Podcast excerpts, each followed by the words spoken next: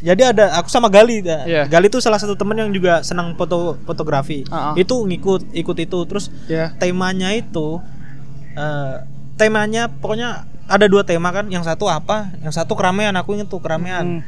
nah yang satu entah apa pokoknya satu inget keramaian nah pas Di mana tuh? yang di pas di Purwokerto edisi Purwokerto Oh ya.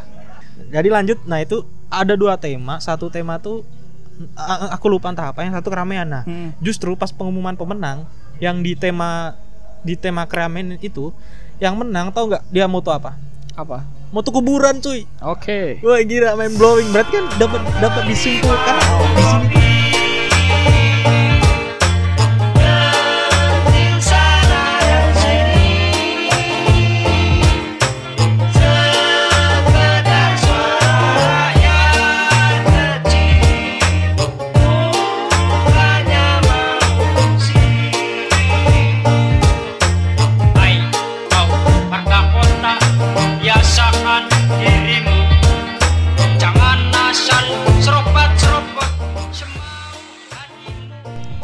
kembali lagi teman-teman. Kalian sedang mendengarkan Rungon Rungon.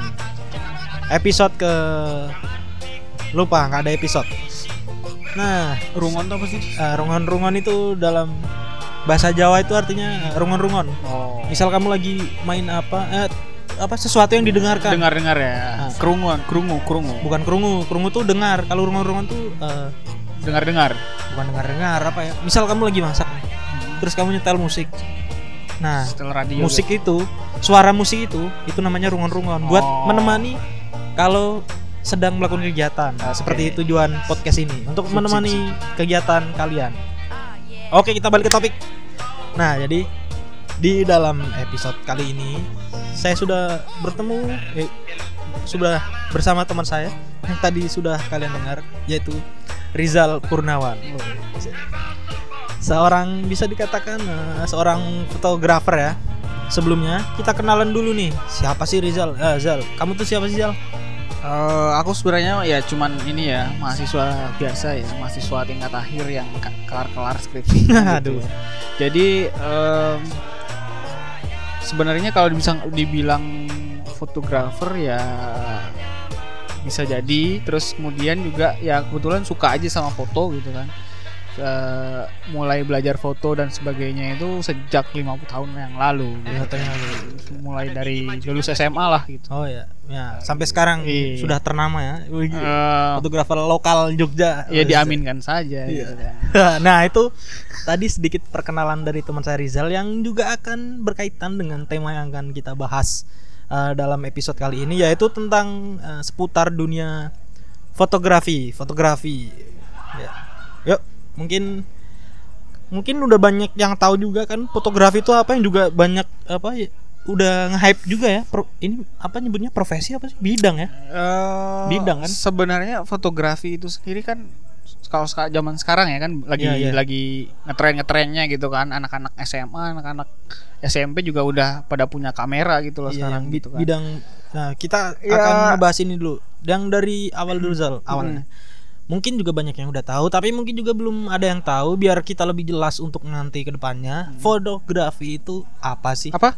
fotografi Oh kirain pornografi. waduh bahaya Jadi kalau kalau sebenarnya banyak tuh yang orang tuh pada fotografer ya terutama ya ya yang gelisah gitu kan tentang bagaimana sih kemudian mendefinisikan fotografi itu gitu loh. Jadi apa sih bedanya antara fotografi dengan foto gitu? Oh beda tuh Bedanya apa coba? ya fotografi itu bidangnya foto itu produk dari Kalau fotografi menurutmu itu beda apa sama? Eh, ya samalah dalam satu bidang Sama ya. Oke. Nah, sekarang misal nih kita analoginya kayak gini deh gitu. Misal kamu gimana? nulis nulis sama dengan dengan menulis itu bedanya apa? sama aja sih tulisan sama misal gini nih kamu nulis satu dua tiga nah itu menulis nggak? Menulis. Ya tapi itu kemudian apakah menjadi sebuah karya tulisan? Ah, belum tentu. Enggak kan? Ah, nah itulah bedanya gitu. Ketika kamu motret foto nih misal Iya, kamu iya. foto cepret. Itu foto. Gila sound sound efeknya keren ya. Tapi kalau kalau kalau semisal kamu foto kemudian kamu eh, menerapkan exposure di situ, kemudian bagaimana kamu ngatur cahaya, ngatur kemudian komposisi, Hmm. ngatur bagaimana supaya foto itu bercerita, hasilnya itu kemudian menjadi sebuah karya fotografi gitu. Oh, jadi ada teknik di dalam situ ya? Iya betul. Jadi Nggak bedanya asal nggak asal ini aja. Uh-uh, bedanya foto dengan fotografi adalah kalau foto itu ya cuman sekedar sebagai dokumentasi Hmm. yang kemudian mengabaikan gitu, sebuah capture. Hmm. Nah, sedangkan fotografi itu adalah lebih kepada membuat foto, bukan sekedar mengcapture gitu. Oh, oke oke oke. Jelas jelas jelas. Ah. Jadi di sini udah jelas eh, bedanya ya. Kalau fotografi itu berarti kita men, eh, Itu menurutku loh ya. oh, ya, gitu. ya. Intinya adalah fotografi itu me- membuat sebuah sebuah apa namanya? Sebuah display Oh, Yang sebuah di image gitu yang di kan, situ membuat ada ada foto. yang di situ ada banyak ya, ada ide, ada konsep, Hmm, ada iya. teknis juga. Ah. Sedangkan kalau foto itu adalah capturean dari suatu momen. Ya, Ya, itu intinya foto. adalah eh, Misal nih foto uh, fotomu waktu kamu masih bayi Ah. itu apakah fotografi atau foto biasa foto aja gitu kamu misalnya foto nih Ah. sama tukang foto keliling. Hmm, pak fotoin dong. Cepret. Atau atau jangan deh. Eh, foto KTP deh. Ah, kamu mau foto KTP nih. Itu ya foto, bukan fotografi itu. itu foto atau fotografi? Foto itu masalahnya foto KTP saya malu-maluin ya Pak. Kurang ajar. ya itu makanya kan Sumpah itu di foto- situ kebutuhannya foto bukan kemudian foto sebagai sebuah seni. Nah ya. tapi foto sebagai sebuah sekedar mengcapture gitu loh. Hmm. Mengcapture wajahmu sehingga kamu bisa dilihat dikenali di situ gitu loh. Nah itulah foto. Tapi kalau fotografi itu lebih kepada seni. Bagaimana kita kemudian menuangkan ide komposisi dan segala teknis di dalam foto yang kemudian foto itu bisa terlihat berestetika dan juga bisa kemudian kepada bercerita. Oh ya, berarti saya tangkap di sini tuh bisa dibilang tuh eh, tujuannya beda, Hmm, beda tujuan. iya gitu Oke deh, mungkin kalian juga bisa menangkap dari arah obrolan kita apa sih bedanya foto dan foto itu mungkin jadi pembukaan kali ini oke untuk kalian bisa mengetahui apa itu fotografi. Nah mungkin eh, selanjutnya nih, kan tadi fotografi udah tuh. Nah Hmm. kalau genre atau bidang-bidang fotografi itu ada nggak sih Jal? Apa aja gitu? Eh, ya banyak banget gitu Nah itu apa aja Jal? Genre ya sama se- sebenarnya nyebutnya tuh genre Genre, oh, gila gram Genre. grammar Nazi banget ini bapak satu ini. jadi kan sebenarnya ya kalau kita ngomongin kamu ya ngorek-ngorek genre foto Eh, gitu kan kamu yang biasa ini ya ngomen-ngomen di orang-orang kalau ada bahasa Inggris tuh. Oh, iya, yang yang grammar Nazi. Ah, siap Ayo, jadi kalau kita ngomongin tentang genre foto gitu ya ya itu banyak banget tapi sebenarnya induknya itu adalah lebih pada ke foto foto dokumenter gitu loh. Foto dokumenter itu adalah foto yang kemudian eh, paling dikenal dulu gitu kan. Ya, sebelum kemudian masuk ke era-era eh, banyak genre-genre lagi yang muncul gitu kan yang ditemukan gitu. Hmm. pada zaman dulu kan orang eh, menggunakan foto itu sebagai cuman media untuk dokumentasi doang gitu loh. Untuk Misal- mengabadikan momen. Ah, gitu kan. Kita bisa ngelihat juga zaman dulu tuh orang-orang itu ketika difoto hanya untuk eh, keperluan foto keluarga misal gitu Hmm. kan karena foto zaman dulu kan sangat eksklusif karena emang teknologinya juga yang Iya, hanya emang. bisa diakses oleh orang-orang yang kaya gitu Orang-orang tertentu dulu, lah. orang-orang Ya. bangsawan dan juga foto-foto kalau kita ngelihat foto-foto zaman dulu tuh kan foto-foto yang kemudian ekspresinya nggak mungkin segembira sekarang gitu Datar ya rata-rata. mereka ekspresinya datar serius gitu karena muka-muka sangar. karena kenapa foto zaman dulu itu limited gitu artinya kamu bisa foto sekali dua kali konvensional. Ah, ah, serius belum digital. foto itu foto itu sebagai sebuah sesuatu yang serius yang dilakukan sekali kapan gitu loh sehingga orang tuh berekspresi harus serius Pada momen tertentu kan. Ah, ah, gitu jadi dia nggak kemudian yang bisa bercanda apa segala macam gitu Berarti nggak ada tuh yang foto kayak Ayo, satu dua gaya bebas, satu dua gaya bebas nggak ada. Ah, iya karena dulu kan masih terbatas Coba teknologinya iya, ya Bayangin ya Bung, Oh. Bung Karno sama Bung Hatta foto. Hmm. Ayo Bung Karno Bung Hatta satu dua bebas. Enggak, kalau kalau zaman ke arah ke sini, ke sini lagi itu Eh. zaman-zaman Bung Karno ya itu kan di tahun 19 berapa gitu kan. Itu kemudian itu udah sebenarnya fotografi sudah menjadi media yang populer zaman dulu gitu. Oh berarti kan. udah berkembang, udah lebih, Ah, udah lebih maju. Kalau kita ngelihat foto-fotonya kan eh Bung Karno banyak foto yang dia ketawa sama Che Guevara dan sebagainya Nah gitu itu kan. yang foto-foto fenomenal sekarang. yang lagi tutup lagi ngerokok, lagi ngerokok segala macam kan itu sebenarnya udah udah menuju arah ke dan itu sebenarnya juga masuk kepada foto dokumentasi juga. Nah, foto dokumentasi atau foto dokumenter itu kemudian menjadi induk dari segala genre fotografi gitu turun lagi kepada foto jurnalistik Nah, foto nah jurnalistik. dari foto jurnalistik itu tuh muncul lagi cabang-cabang banyak sekali gitu Berarti kan ada yang subnya kita ya? Sub- kenal sub, sub sekarang jurnalistik itu ada. eh sebenarnya bukan seperti sub-sub ya tapi ketika kita ngomongin foto jurnalistik dia bisa mencakup segala genre foto gitu Nah, karena eksekusinya misal nih kamu disuruh eh, mau membuat sebuah berita tentang eh, hewan yang mau punah badak misal kamu Hmm. harus hunting wildlife itu Iya. genre wildlife oh ya ada. kemudian juga. kamu mau foto, eh, memberitakan tentang eh, pedestrian misal itu menjadi street fotografi Hmm. uh, trotoar gitu-gitu kan. Nah, kemudian juga kamu memberitakan tentang uh, feature, berita-berita feature itu banyak kemudian di situ ada foto human interest, ada kemudian foto portrait juga di situ gitu kan. Jadi banyak banget sebenarnya genre foto itu yang kemudian sebenarnya induk utamanya ada foto dokumenter dan foto jurnalistik Hmm. gitu. Jadi foto dokumenter terus turun ke foto jurnalis- jurnalistik. Oh, kalau nah, yang kita- se yang selevel sama foto jurnalistik tuh ada lagi nggak? nggak ada sih. Nggak ada. Ya, Berarti jadi itu emang induk utamanya dokumenter jurnalistik dan iya. baru itu Karena kan turun. sebenarnya foto itu tujuan utamanya adalah untuk mendokumentasikan kan. iya. Kemudian dari jurnalistik sendiri ada tuju- tujuannya mendokumentasikan dan menyebarluaskan gitu. Hmm. Nah, kalau berarti di sini kan kalau Artinya kemudian semua genre itu bisa aja masuk kepada foto jurnalistik Iya. gitu loh. terus kalau misal ada foto wedding itu kan dominasi itu kan nggak di ini jurnalistik nggak? Masuknya ke mana tuh? Jadi jangan salah juga wedding ada foto wedding yang foto eh, wedding foto journalism. Apaan tuh? Jadi dia wedding foto jurnalisme. Nah itu lebih kepada foto wedding yang candid gitu loh. Ah, kamu baru tahu ya? Baru tahu saya. Jadi kayak gitu. Jadi di situ bagaimana eh, orang tuh kemudian menghadirkan di eh, fakta-fakta sebenarnya di pada saat eh, wedding gitu. Misal kayak nggak momen-momen yang tidak disetting.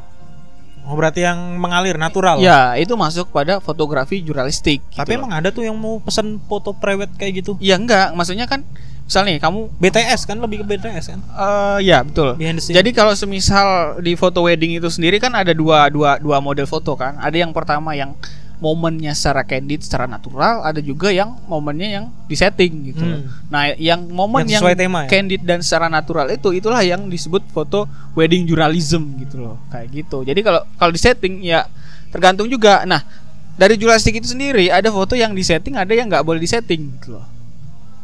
Yang boleh apa? Yang boleh disetting misal foto feature Ah. foto fo- ah, tentang berita feature misal kamu mau, mau motret bikin potret orang gitu loh Iya, iya. ini orang nih adalah eh, siapa gitu kan tokoh superhero apa segala macam gitu Iya, kemudian kamu intinya- bikin intinya kamu, bikin- kamu set di situ fotomu sendiri foto orang itu foto potret orang itu ya boleh gitu Buat feature lah intilanya ya. Iya, istilahnya. betul. Pasti kalian tahu lah feature tuh apa. Mm-mm. Nah, yang satu yang hard news gitu kan, yang benar-benar ke- meng- meng- mengabadikan kejadian, ya betul eh, misal fakta. ya berita eh, berita-berita hard news dan sebagainya itu nggak boleh disetting gitu loh kayak gitu Nah, kalau kamu sendiri tuh eh, masuk kategori yang mana sih Zal kalau bisa dikatakan tuh? Kalau aku sendiri sih mungkin lebih kepada foto apa ya?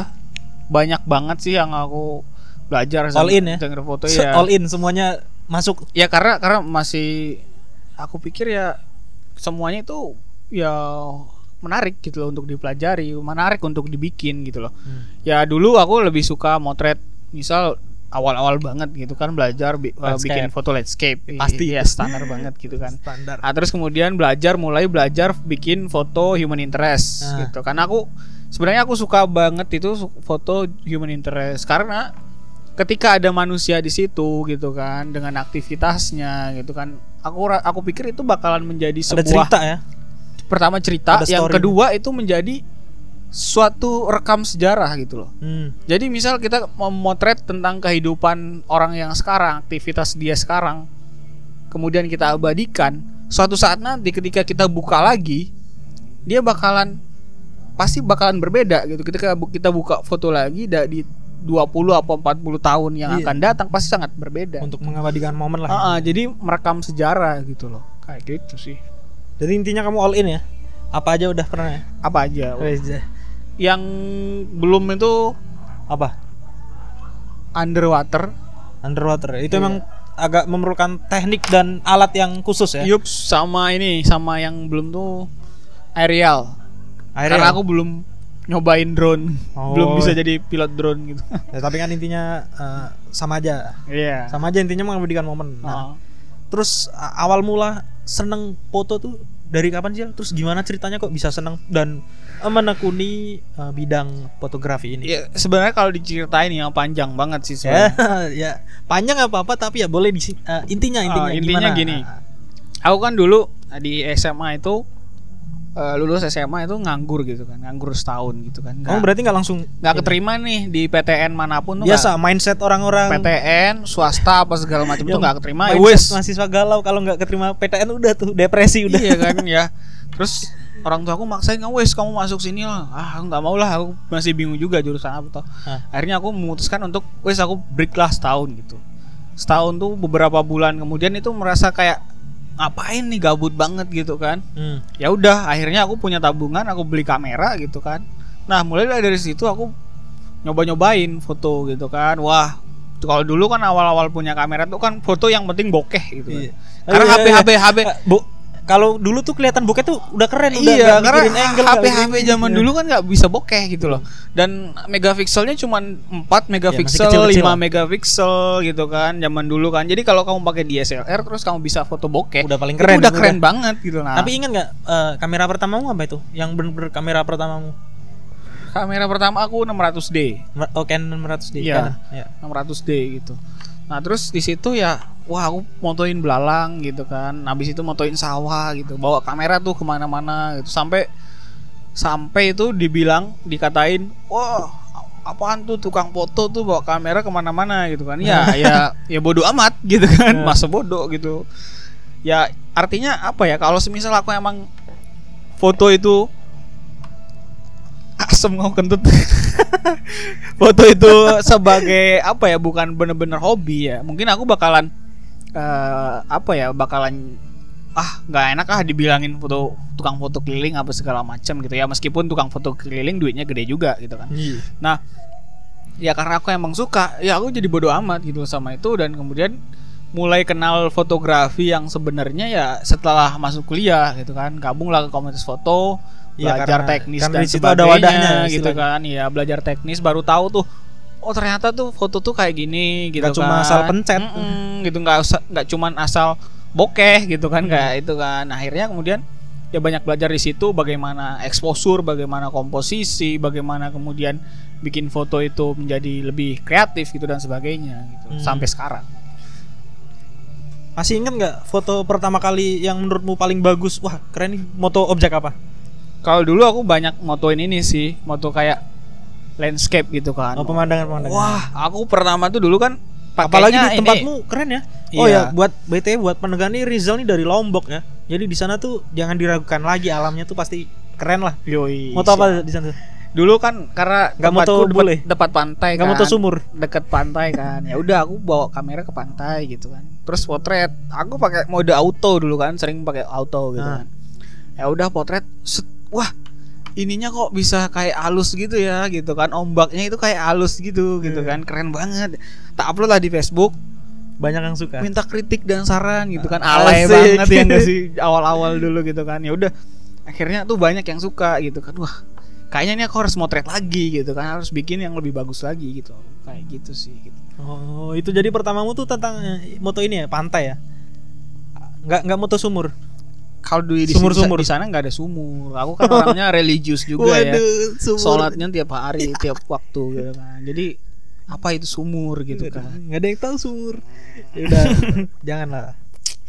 Nah itu kan tadi eh, eh, sekedar buat intermezzo ada awal mulanya Rizal tentang foto. Nah sekarang kan bisa dikatakan nih kamu nih eh, udah jadi istilahnya apa? Fotografer profesional ya nggak sih?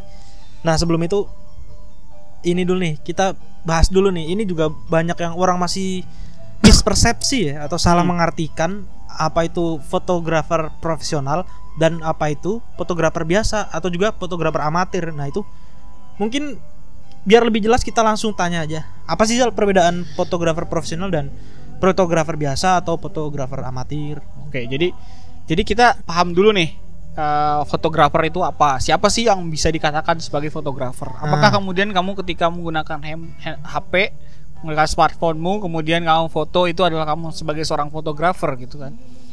Nah, jadi kembali lagi kita kembali kepada definisi fotografi itu tadi gitu kan. Kalau defi- fotografi itu sendiri adalah yang foto yang kemudian fotonya dibuat aspek-aspeknya dipertimbangkan seperti komposisi, kemudian eh, yang ya artinya estetikanya, kemudian Hmm. juga ceritanya yang terkandung di dalam foto itu gitu loh.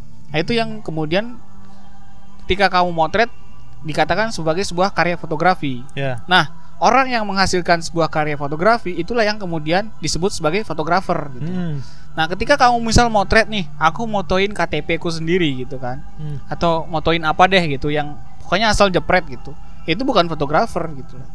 Ya lebih kepada ya mungkin semacam scanner gitu kan atau Scanner. semacam semacam eh, foto lah, foto biasa Ya, gitu ya, intinya kan, itulah gitu. Oh, oh intinya. sekedar mengcapture gitu kan. Jadi ya fotografer itu yang kemudian dia menggunakan ilmu yang dia punya untuk kemudian eh, membuat sebuah karya fotografi yang itu bernilai estetika dan kemudian bercerita. Itu Ya. sih kalau menurutku ya fotografer gitu.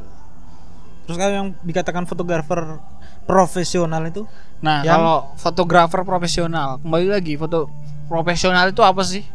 Jadi profesional itu kan yang orang yang kemudian lebih kepada profesi gitu kan. Profesi income dari situ ya. Ah, ah, yang kemudian dia juga tentunya mendapatkan income dari situ, kemudian dia hidup dari situ. Gitu. Jadi kalau menurut Arbain Rambe ya dia fotografer profesional itu ya fotografer yang kemudian dia hidup dari fotografi itu sendiri gitu loh. Jadi kerjaannya ya udah fotografi. Nah, ketika kamu misal nih eh kamu suka foto, suka bikin karya fotografi gitu. Ya. Kemudian kamu ada klien nih yang minta Cus tolong fotoin makananku dong gitu. Aku lagi jualan makanan nih, kamu fotoin dong Nah, gitu. ya. Nah, kemudian ketika kamu terima dan kamu itu mendapatkan keuntungan Eh, dari situ, ya eh. udah itu menjadi profesimu gitu loh. Kamu bisa disebut sebagai profesional fotografer Oh, iya, iya. gitu. Jadi mungkin lebih singkatnya tuh di bahasa gampangnya, fotografer profesional itu adalah orang yang mendapatkan income atau menggantungkan hidupnya dari fotografi. Betul. Yang mendapatkan kayak gitu. income. Yang artinya untuk, untuk fotografi itu dia. sebagai sebagai profesinya. Ya, pekerjaan lah ya, Ah, ah, sebagai fotografer pekerjaan. itu sebagai profesinya, sebagai pekerjaannya. Nah, terus gini Jal. Jadi kan Hmm. ba- banyak banget nih sekarang foto-foto yang di IG di IG fotografer nah itu ka- kadang dalam sebuah kasus kan ada orang moto maksudnya objektivitas orang dalam menilai it- dia fotografer disebut fotografer tuh ada gak sih? Yang misalnya nih dia moto kan fotografer profesional tuh biasanya alatnya proper terus Hmm. dia punya ini punya ini punya itu DLL DLL nah terus dia hanya pakai misalnya katakanlah kamera HP Hmm. terus tapi dia moto terus ada yang beli itu kan berarti kan komersil tuh Hmm. nah itu dia bisa dikatakan profesional apa enggak eh ya itu bisa dikatakan fotografer profesional juga karena pertama kembali lagi ketika dia menjadikan dirinya sebagai menjadikan fotografer itu sebagai sebuah profesi bagi dia Hmm. itu disebut fotografer profesional gitu loh.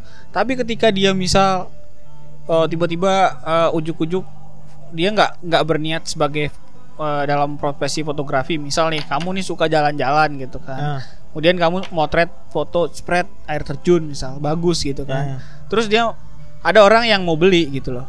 Ya udah dibeli gitu kan. Nah, Tapi kamu sendiri tidak bergelut di dunia itu. Kamu cuman menjadikan foto itu sebagai hobi, yaitu nggak fotografer profesional gitu. Hmm. Ketika kamu menggu intinya gini, ketika kamu menjadikan fotografer itu sebagai profesimu, sebagai eh, istilahnya sandaran hidup untuk mencari nafkah, ya itu baru disebut fotografer profesional. Oke, jadi eh, di sini aku tangkap nih berarti apa namanya? Alat tuh nggak menentukanmu menjadi Enggak. profesional apa enggaknya ya? Enggak. Ya, betul. Jadi kalau kamu misal nih jago fotografi, kemudian kamu pakai HP juga bakalan bagus gitu loh. Iya. Artinya kamu eh, nggak perlu kamera DSLR yang mahal gitu untuk menghasilkan karya fotografi gitu loh. Iya. Karena ya fotografi itu sendiri nggak terbatas alat gitu loh. Nah, itu kan yang menjadi banyak mis, mis mispersepsi dari orang-orang kan. Mm-mm. Kalau foto apa eh kalau foto, kalau kameranya bagus, wah, ini fotografer pro nih. Hmm. Padahal kan arti dari pro sendiri kan profesional itu adalah Iya. yang mendapatkan keuntungan dari bidang itu, Iya. ya kan? Nah, itu banyak yang mispersepsi yang harusnya bisa lebih eh, orang-orang ketahui lah. Hmm. Nah, jadi ini juga nyambung lagi tadi udah Rizal katakan apa tadi namanya? Fotografi komersil ya tadi ya seperti seperti ada klien, ada permintaan terus Heeh. kita ini nah. Iya. Jadi di sini Jal apa? Fotografi. Kok kita mau ngebahas lagi? Tadi kan udah pro dan yang amatir. Nah, itu selanjutnya tuh fotografi yang gimana sih fotografi itu di apa dikatakan sebagai fotografi komersil dan yang fotografi nggak komersil kan tadi kamu sempat bilang kan ada orang jalan-jalan terus dia moto dia senang juga nih senang moto tapi dia Hmm. moto Iya. air terjun apa itu nah itu bisa dikatakan komersil atau non komersil itu yang kriterianya bagaimana Jadi eh, sebenarnya foto fotografi atau karya fotografi itu ada dua ini, ada dua kemudian peruntukannya gitu. Pertama untuk kegiatan komersil. Oh ya Kegiatan komersil komersil itu bisa kemudian fotomu itu digunakan untuk iklan, kemudian dibeli oleh eh, klien-klien perusahaan yang bergerak di bidang bisnis, kemudian fotomu dijadikan sebagai sebuah alat promosi, itu menjadi foto komersil. yang gitu istilahnya kan. ada duitnya lah ya Ya, kalau semisal kita ngomong uh, fotografernya itu sendiri ya yang dinamakan fotografer komersil ya yang kemudian fotonya itu bisa menghasilkan duit gitu loh. ada nilai jualnya Iya, kalau kata misal Munir ya foto yang bagus itu adalah foto yang menghasilkan duit. Karena Oke. orang orang gini loh, orang mau mengeluarkan duitnya yang dia susah-susah cari untuk membeli fotomu.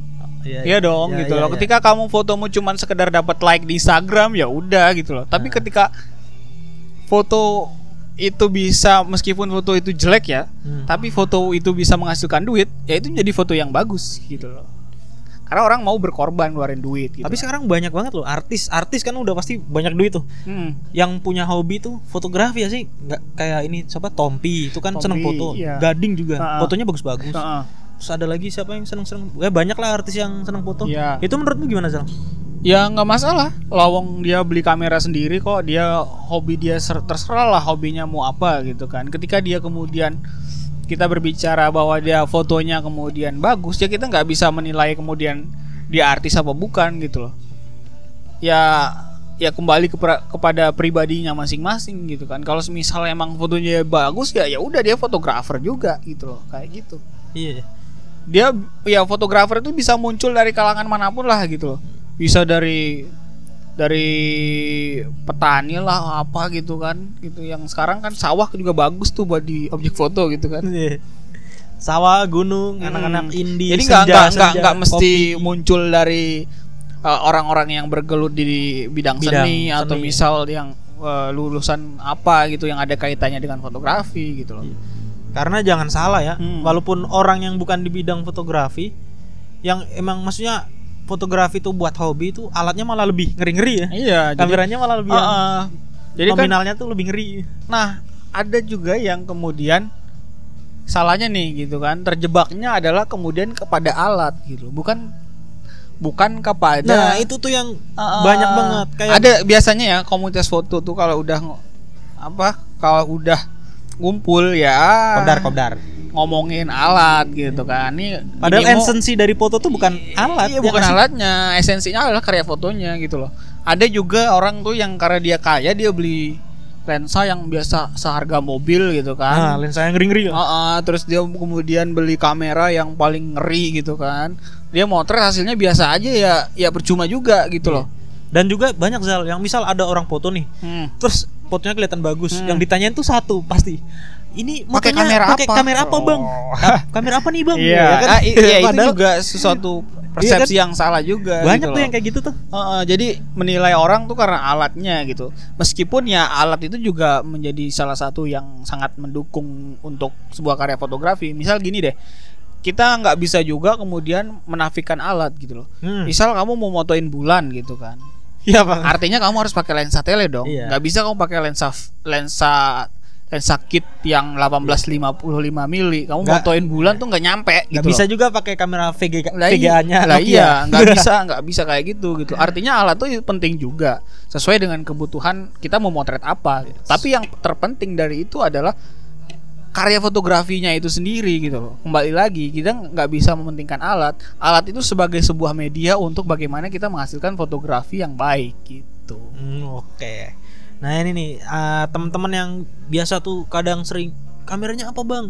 Padahal mungkin di balik layar dia Mm-mm. mungkin pakai kamera HP Nah, kan iya. nggak ada yang tahu. Ah, gitu. Tinggal gimana kita mengolahnya kan Iya. ada tuh banyak tuh angle apa Ah, segala macam itu. Ya zaman sekarang pakai HP pun HP sudah Ya sekarang HP udah udah 24 megapiksel canggih- gitu canggih, kan apa segala macem bahkan Jadi, ada tuh yang HP Huawei apa tuh yang kameranya ya, Leica gitu 48 kan. pixel Oh, megapiksel. nyebut merek boleh nih Boleh ya. Kenapa Oh, ini nggak ada iya. brand-brandan di sini? Anti brand-brand. Iya.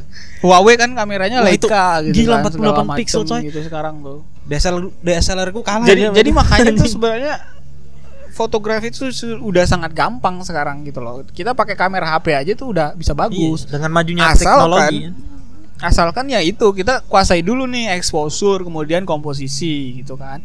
Jadi minimal itu deh gitu ketika kamu misal nih pakai DSLR tapi kamu nggak ngerti gimana nggak nyeting eh, kok exposure yang bener kemudian exposure yang bagus kemudian ISO. gimana mau nyeting eh, bikin sebuah komposisi yang menarik secara estetik gitu kan Ya. itu bullshit juga ketika kamu menggunakan alat semahal apa pun sebagus apa pun gitu loh Tapi gini Zal, eh, ini menurutku ya, hmm. kamera semakin mahal tuh malah semakin memudahkan kita nggak perlu pakai teknik, ya nggak? Kita auto udah bagus.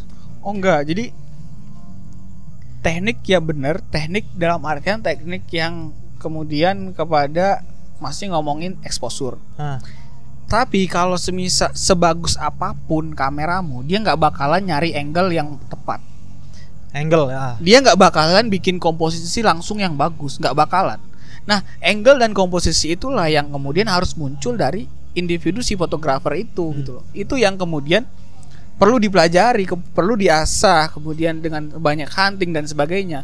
Oke misalnya kameramu bagus kemudian dimensinya tuh wah dimensi gambarnya tuh bagus kemudian kamu bisa. ISO-nya tuh sampai ratusan ribu segala macem.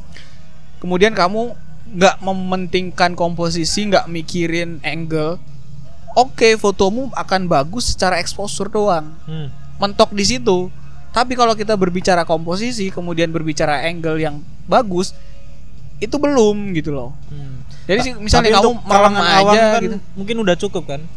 ya Kalangan awam untuk melihat sebuah gambar, sebuah foto. Iya nggak juga. Misal nih foto nih, oh, kamu ngelihat foto itu bagus nih warnanya keren banget gitu, Ah. perfect banget gitu.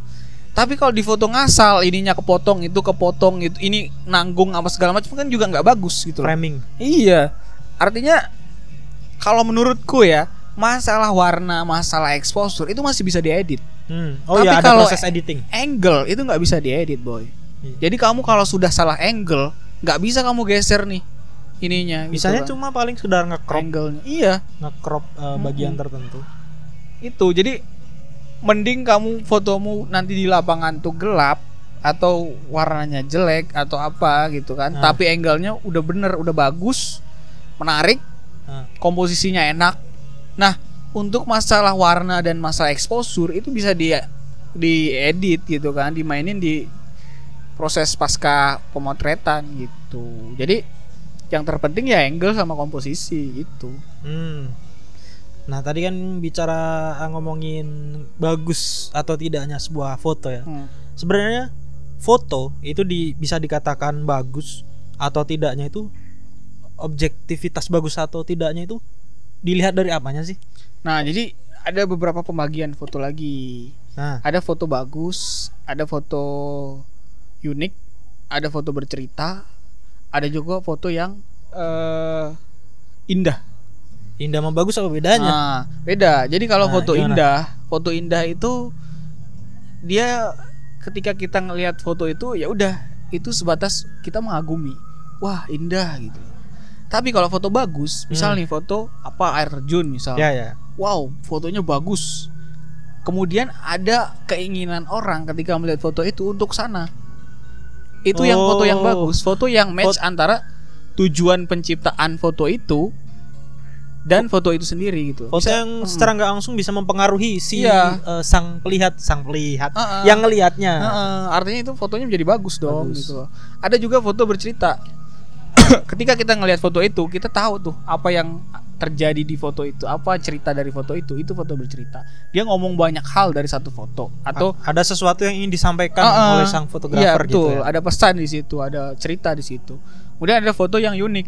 Nah, itu foto yang beda tuh dari segala segala macam seg- dengan Foto menggunakan teknik nggak memandang ini Ah, ya, nggak memandang iya. apa teknik-teknik ya. Mm, itu yang kemudian menjadi lebih kepada fotonya menjadi menarik gitu, Ya. karena unik gitu. Nah, kalau ketika empat foto ini, keempat eh, tujuan foto ini masuk dalam satu foto, itu fotomu akan menjadi sangat kuat. Inilah tips bagaimana memenangkan lomba foto. Wah gila nih ada tips Gitu. buat menangin lomba foto. Jadi lomba foto tuh nggak cuma sekedar untung-untungan boy, Iya. tapi benar-benar dipertimbangkan nih gimana caranya kamu bisa mendapat me- me- menuangkan foto indah, foto bagus, foto unik dan foto bercerita itu dalam satu foto. Nah, tapi eh, aku juga jadi inget nih aku mau cerita sedikit. Hmm. Dulu kan pas dulu zaman kuliah tuh, kapan Iya. ya? Tahun 2017 apa 16 Ah, yang ada Canon fotografi itu. kan foto maraton. Ah, kan Iya. foto. Nah, itu kan jadi ada aku sama Gali. ya. Iya. Gali tuh salah satu temen yang juga senang foto fotografi. Ah, ah. Itu ngikut ikut itu. Terus Ya. temanya itu eh temanya pokoknya ada dua tema kan. Yang satu apa? Yang satu keramaian. Aku inget tuh keramaian. Hmm. Nah, yang satu entah apa. Pokoknya satu inget keramaian. Nah, pas Di mana tuh? yang di pas di Purwokerto, edisi Purwokerto. Oh ya.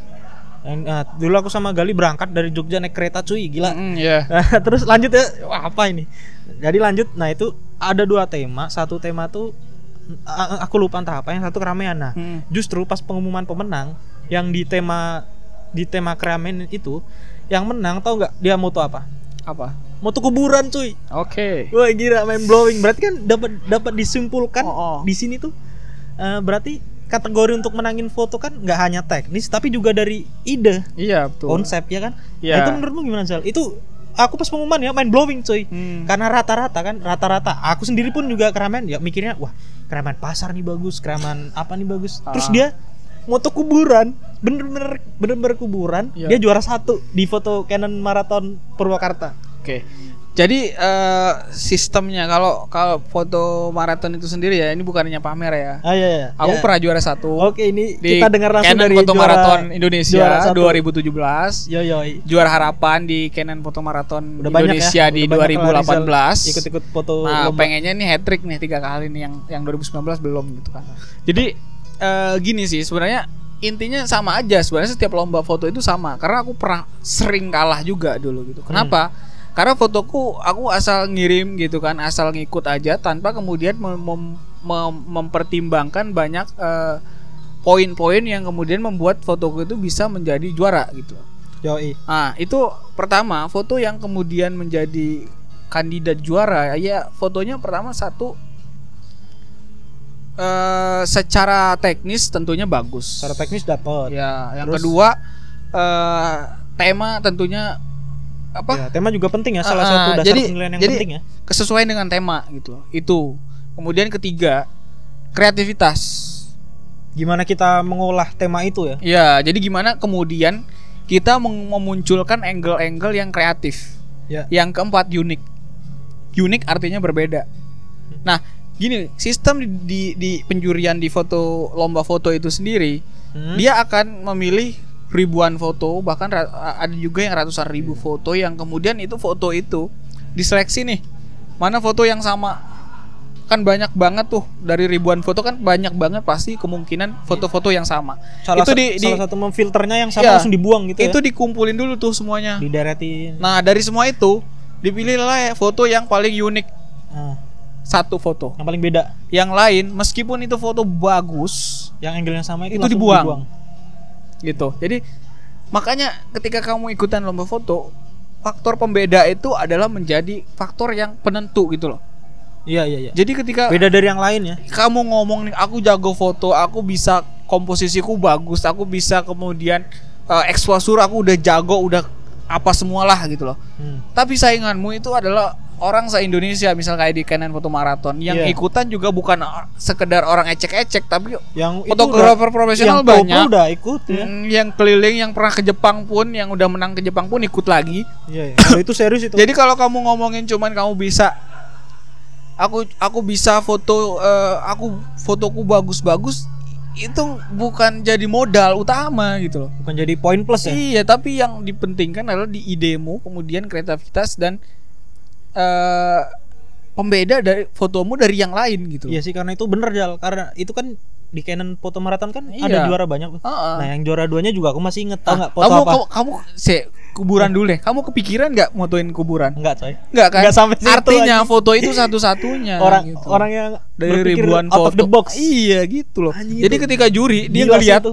ini ide yang paling beda, Mind udah blowing. fix dia megang langsung tuh. Nah, Disingkirin, dia ini paling foto yang paling kuat kayak dan gitu. itu pas dia pengumuman tuh tepuk tangannya tuh yang bener-bener tepuk tangan dari peserta dari penonton tuh wah pokoknya mengapresiasi banget lah itu out karena orang box dia orang nggak bakal kepikiran Iya. gitu loh buat moto kayak gitu. mikir out of the box banget temanya keren ya dan tadi yang aku bilang foto kedua yang Hmm. yang juara tuh foto apa Ah, apa?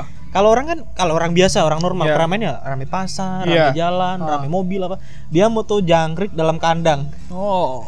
Dan itu yang menurutku ya, kalau menurutku angle-nya keren abis. Oh. Dari dia tuh angle-nya tuh dari atas, tapi dia pakai refleksi, refleksi pakai kayak mungkin kaca atau apa ya. Hmm. Jadi dia kelihatan tuh kayak bolak-balik. Jadi jangkriknya tuh kayak gantung kayak Spider-Man tuh loh. Oh ya. Nah, itu juara Nah, duanya. artinya Keren. itu kalau bisa kita bandingkan dengan foto yang pertama tadi, foto Hmm. yang pertama tadi ya itu adalah kekuatannya di ide.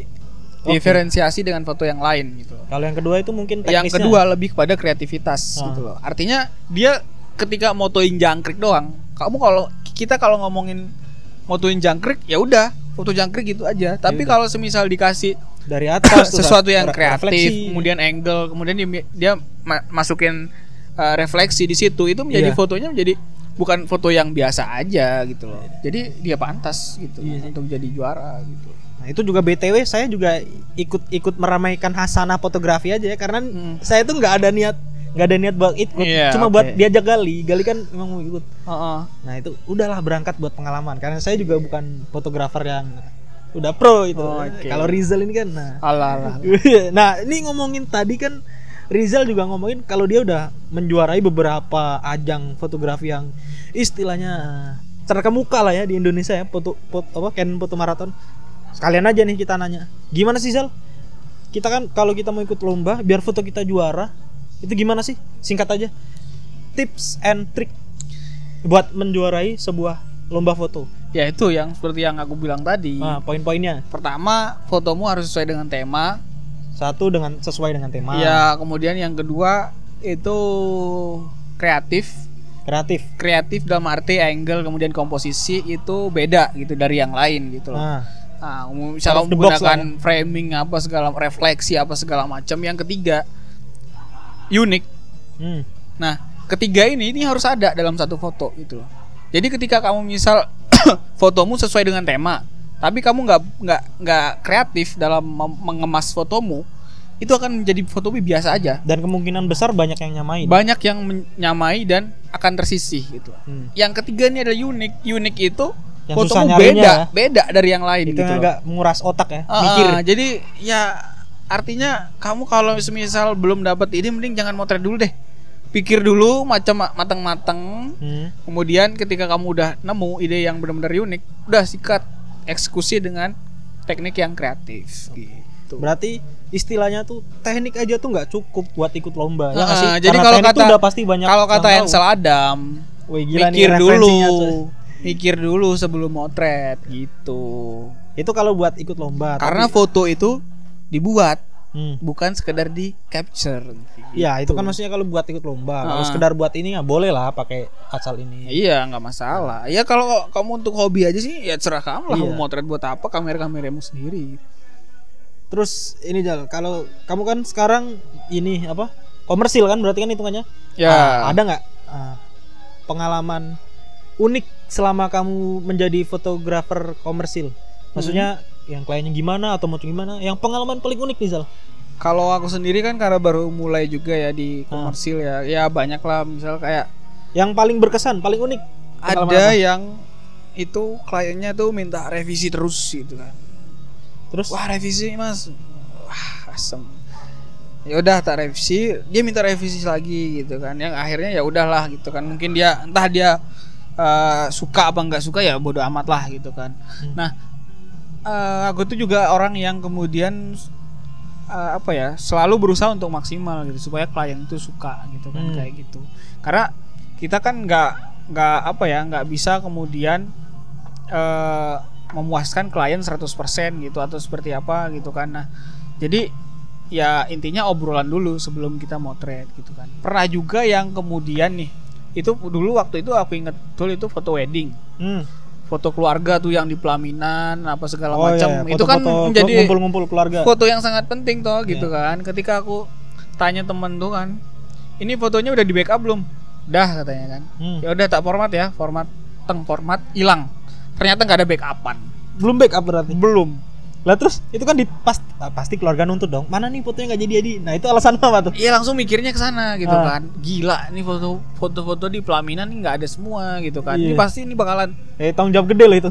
orang nih itu kebetulan kliennya tuh dari Medan gitu kan Nah, luar kota ya. keluarga keluarganya dari Medan apa segala macam nggak nggak mungkin datengin Iya. dia untuk dan itu momen yang istilahnya Setahun sekali sekali, kapan Mas. orang tuh bakalan ngumpul Iya, foto sekali. bareng rame kayak gitu gitu Ya, kan Istilahnya momen penting nah itu dalam hidup. bingung banget gitu kan awalnya kemudian akhirnya udah gitu kan nyari-nyari eh, software yang buat eh, recover gitu kan Ah. recover file Restore gitu. restore itu. Nah, di restore filenya akhirnya syukurnya itu bisa gitu kan itu pun setelah nyari banyak banget aplikasi buat balikin gitu kan Itu restorenya tuh restore di apa?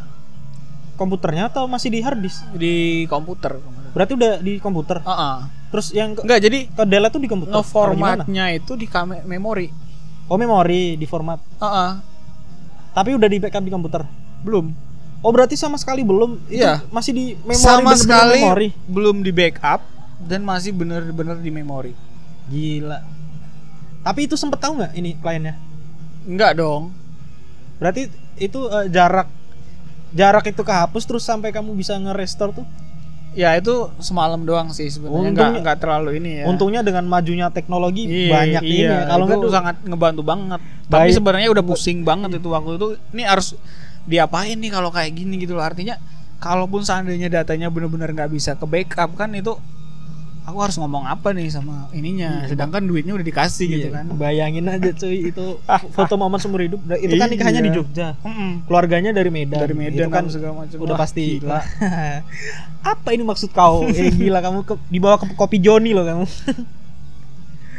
Nah, itu kan tadi kan revisi revisi itu kayaknya udah biasa ya ke Hmm, yang iya. paling unik ada gak sih yang unik unik unik tem- dari tempatnya dari minta konsep ada nggak selama kamu jadi ini Selama ini sih belum ya kalau aku ya. itu masih biasa biasa aja? Masih masih ketemu ma- klien ya, yang masih, normal. masih standar lah ya gitu kan.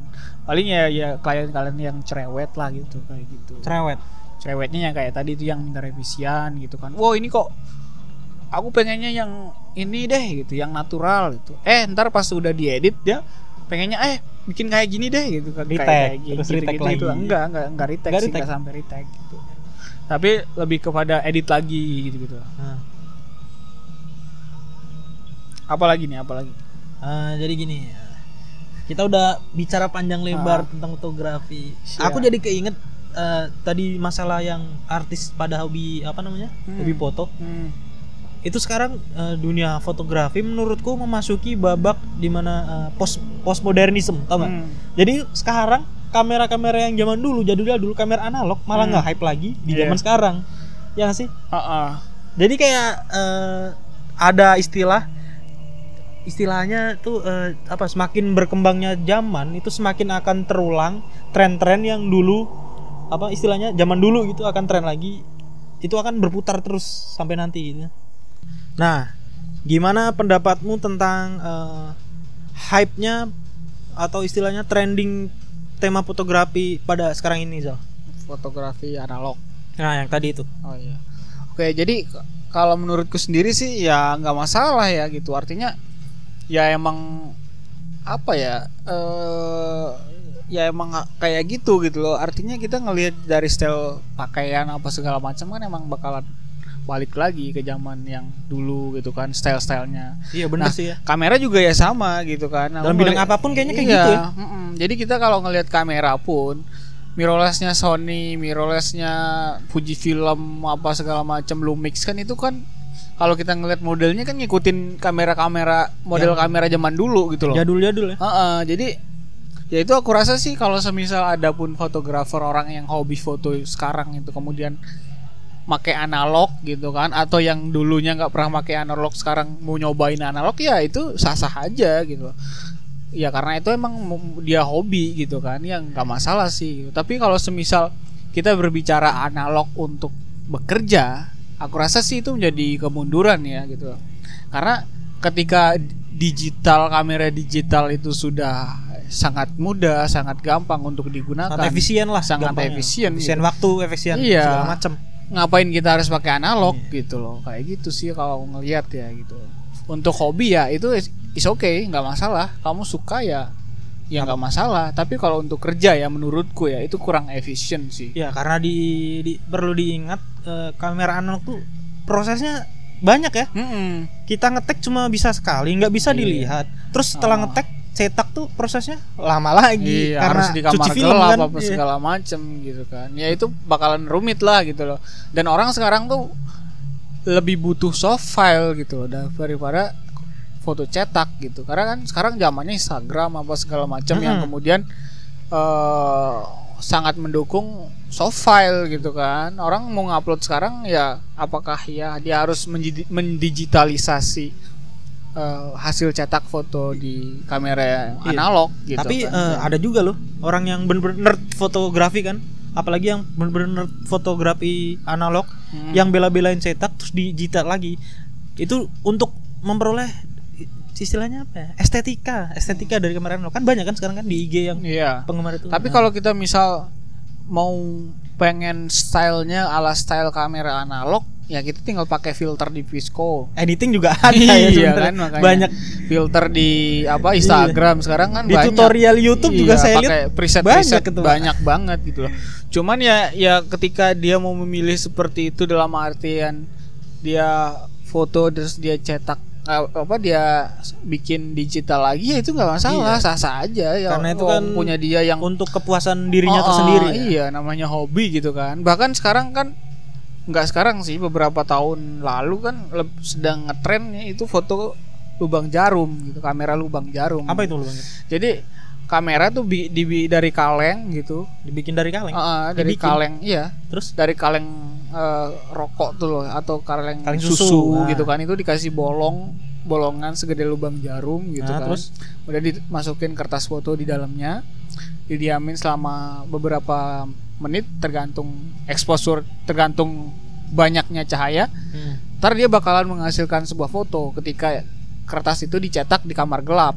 Woi, di- gila itu itu kalau itu sih udah to the next level ya itu. Hmm, Udah bikin makanya sendiri itu prosesnya udah- Sebenarnya dia bikin kamera analog Iya. tapi do it yourself gitu kan. DIY. Ah, iya. Nah, tapi kalau kamu sendiri tertarik nggak Zal untuk beralih atau sekedar pengen mainin analog lagi? Tertarik nggak? Eh kalau aku sendiri sih untuk sekarang ya karena aku lebih banyak kemudian fotonya itu untuk kerjaan ya jadi Hmm. belum belum tertarik sih gitu tertarik. mungkin Kalau- semisal lagi slow kali ya pengen Kalau buat hobi tertarik. nyoba nyobain analog ya ya tertarik sih gitu kan Hmm. pengen nyoba deh gitu pengen gimana sih sensasinya gitu nah kebetulan juga kameraku sekarang kan ininya mati gitu loh layarnya mati Jadi monitornya feel-nya udah kayak analog nggak bisa Ah, ah, nggak apa gitu. nggak bisa preview kan. iya jadi harus pakai viewfinder gitu kan Iya.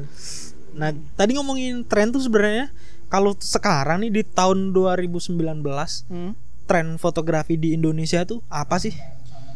Kalau di 2019 ya, kalau aku ngelihat sih Ya, kan kalau dulu tuh banyak kan minimalisme tuh pernah tuh tahun berapa tuh yang menjamur banget banyak banget yang bikin minimal foto, foto minimalisme. minimal, Nah, minimalis kalau yang ya. di 19 tuh yang paling digemari itu apa sih? Tren di dunia fotografi khususnya di Indonesia. Kalau aku yang ngelihat ya karena ini eh aku nggak terlalu ngikutin sih kalau untuk tren-tren yang kayak gitu-gitu ya. Tapi yang aku follow itu ya ya fotografer yang istilahnya yang terkenal gitu kan yang misal dari Nat Geo kemudian juga aku jarang nge-follow untuk fotografer fotografer fotografer yang instagramable tuh jarang Hmm. gitu kan tapi beberapa bulan beberapa waktu yang lalu tuh ada sempat juga ngetren itu foto yang flat earth gitu kan Apa?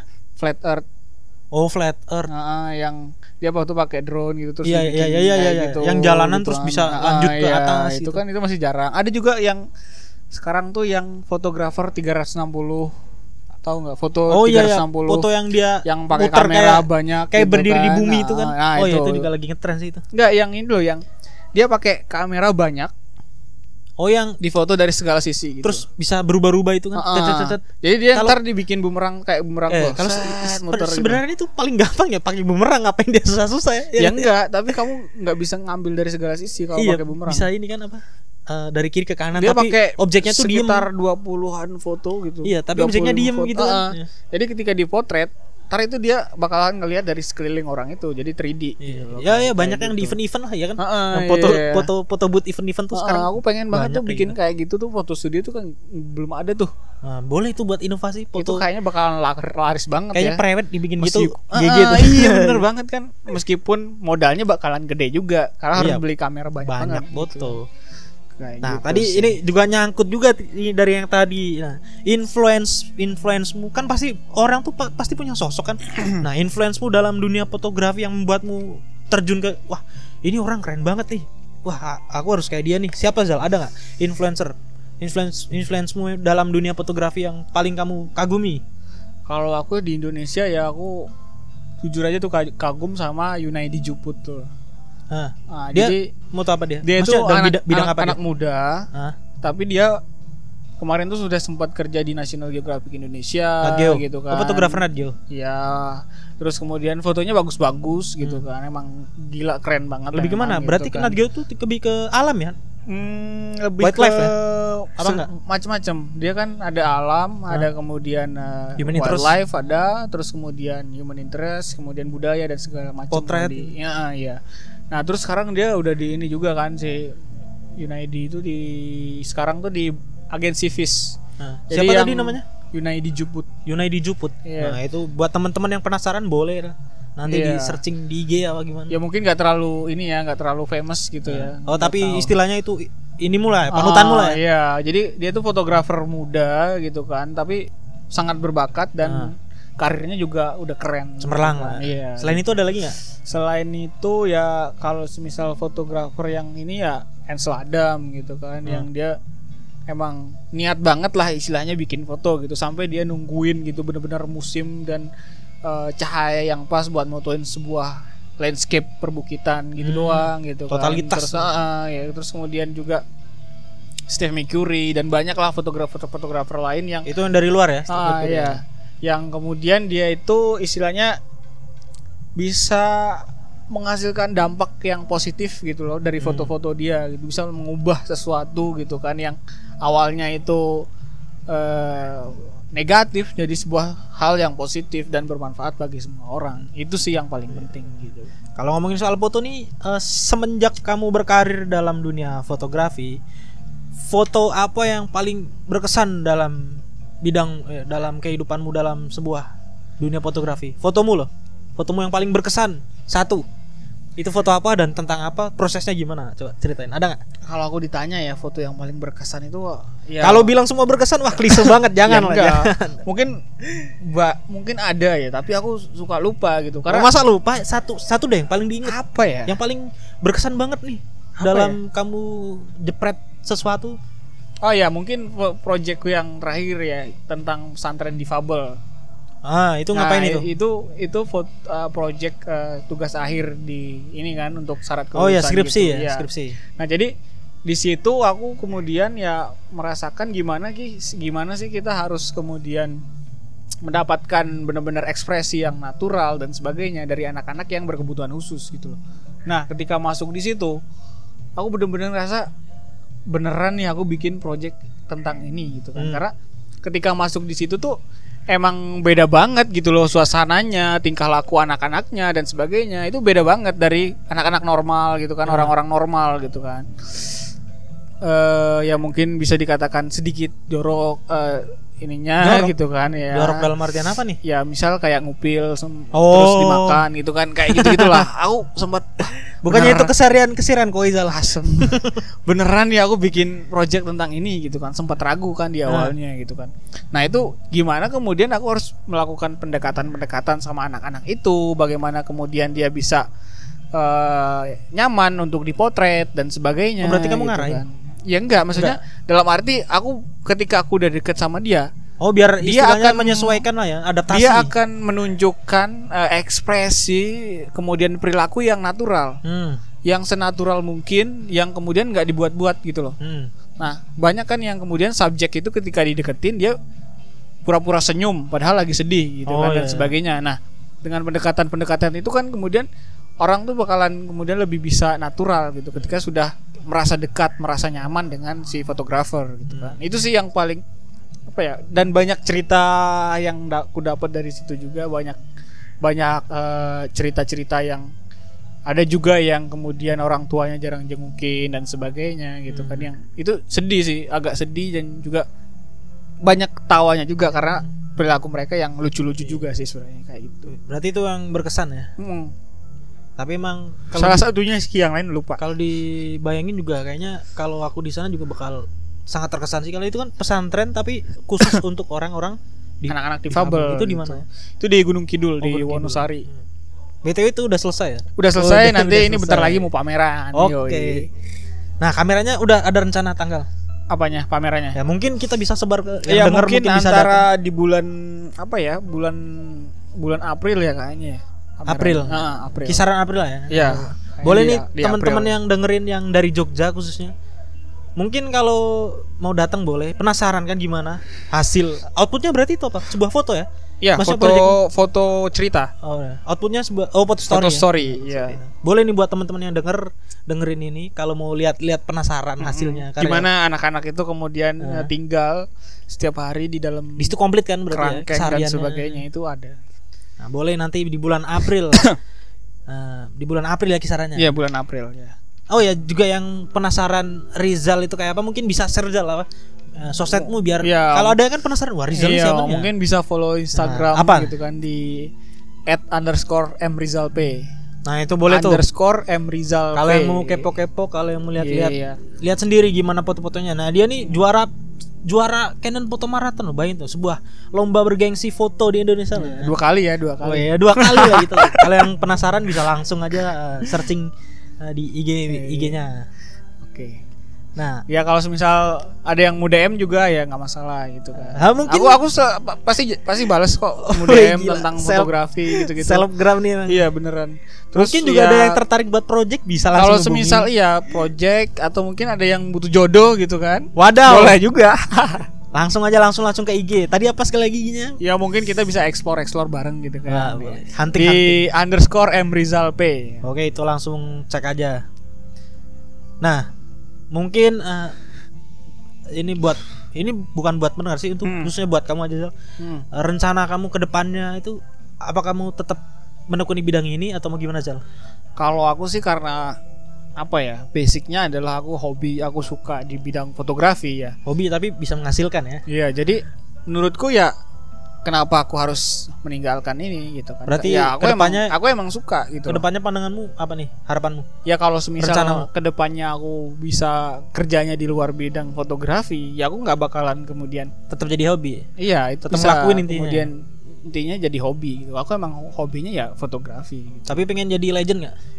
pengen, Eh, pengen jadi Arben Rambe-nya eh, Jogja nggak? ya ya pengen lah bisa- itu artinya kan yang kemudian bisa berbuat sesuatu gitu kan kemudian bisa dikenal orang dan intinya kamu menjadi penting lah di bidang dunia fotografi dan dan punya pengaruh gitu kan. Artinya yang berpengaruh foto-foto karya-karya fotomu itu berpengaruh untuk eh, keberlangsungan hidup orang banyak gitu kan Hmm. artinya da- memberikan dampak positif itu kan itu hal yang positif yang harus ditiru gitu kan kayak gitu Berarti kamu istilahnya akan tetap menekuni bidang ini ya, entah itu profesional, entah itu komersil apun apa ataupun non komersil ya. sepertinya ya Karena udah cinta ya. Iya. Gila. suka cinta. aja sih suka Suka.